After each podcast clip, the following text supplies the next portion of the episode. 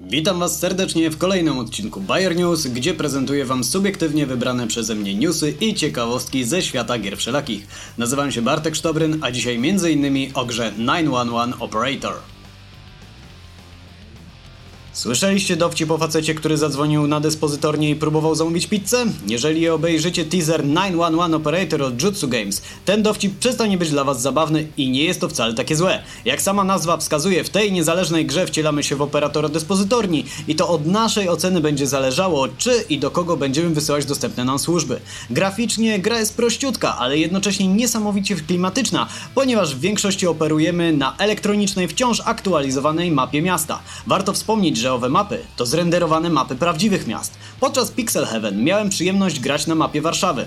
Mówię wam, nie ma to jak wysłać kilka radiowozów do burdy przy Stadionie Narodowym. Jeżeli jeszcze nie zajarliście się tematem tak jak ja, to przypomnę jedynie, że 911 Operator wygrał konkurs na Indie Showcase na Digital Dragons 2016.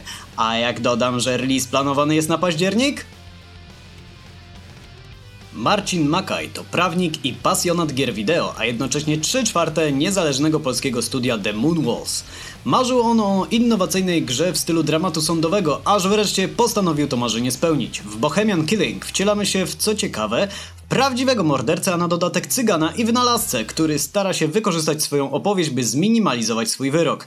Co ciekawe, opowieść jest retrospekcją, a nasze poczynania w jej trakcie będą komentowane przez głównego bohatera jako relacja w sądzie.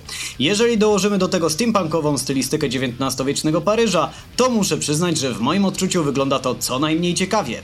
Gra ma wprowadzić do kilku zakończeń i tylko od gracza ma zależeć, jak skończy nasz antagonista. Premiera ma się odbyć jeszcze w 2016 roku, choć konkretów niestety brak. Pozostaje czekać.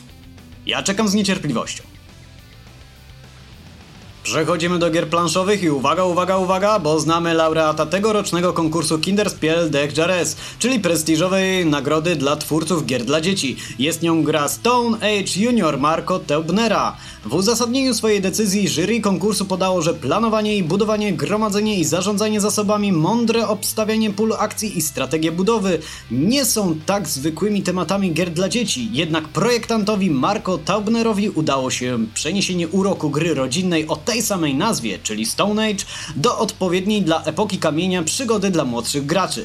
Poprzez inteligentne wykorzystanie elementów pamięciowych tworzy równe szanse między pokoleniami, idealna dla nowoczesnej rodziny z epoki kamienia. Nie pozostaje nic innego jak czekać na polskie wydanie gry.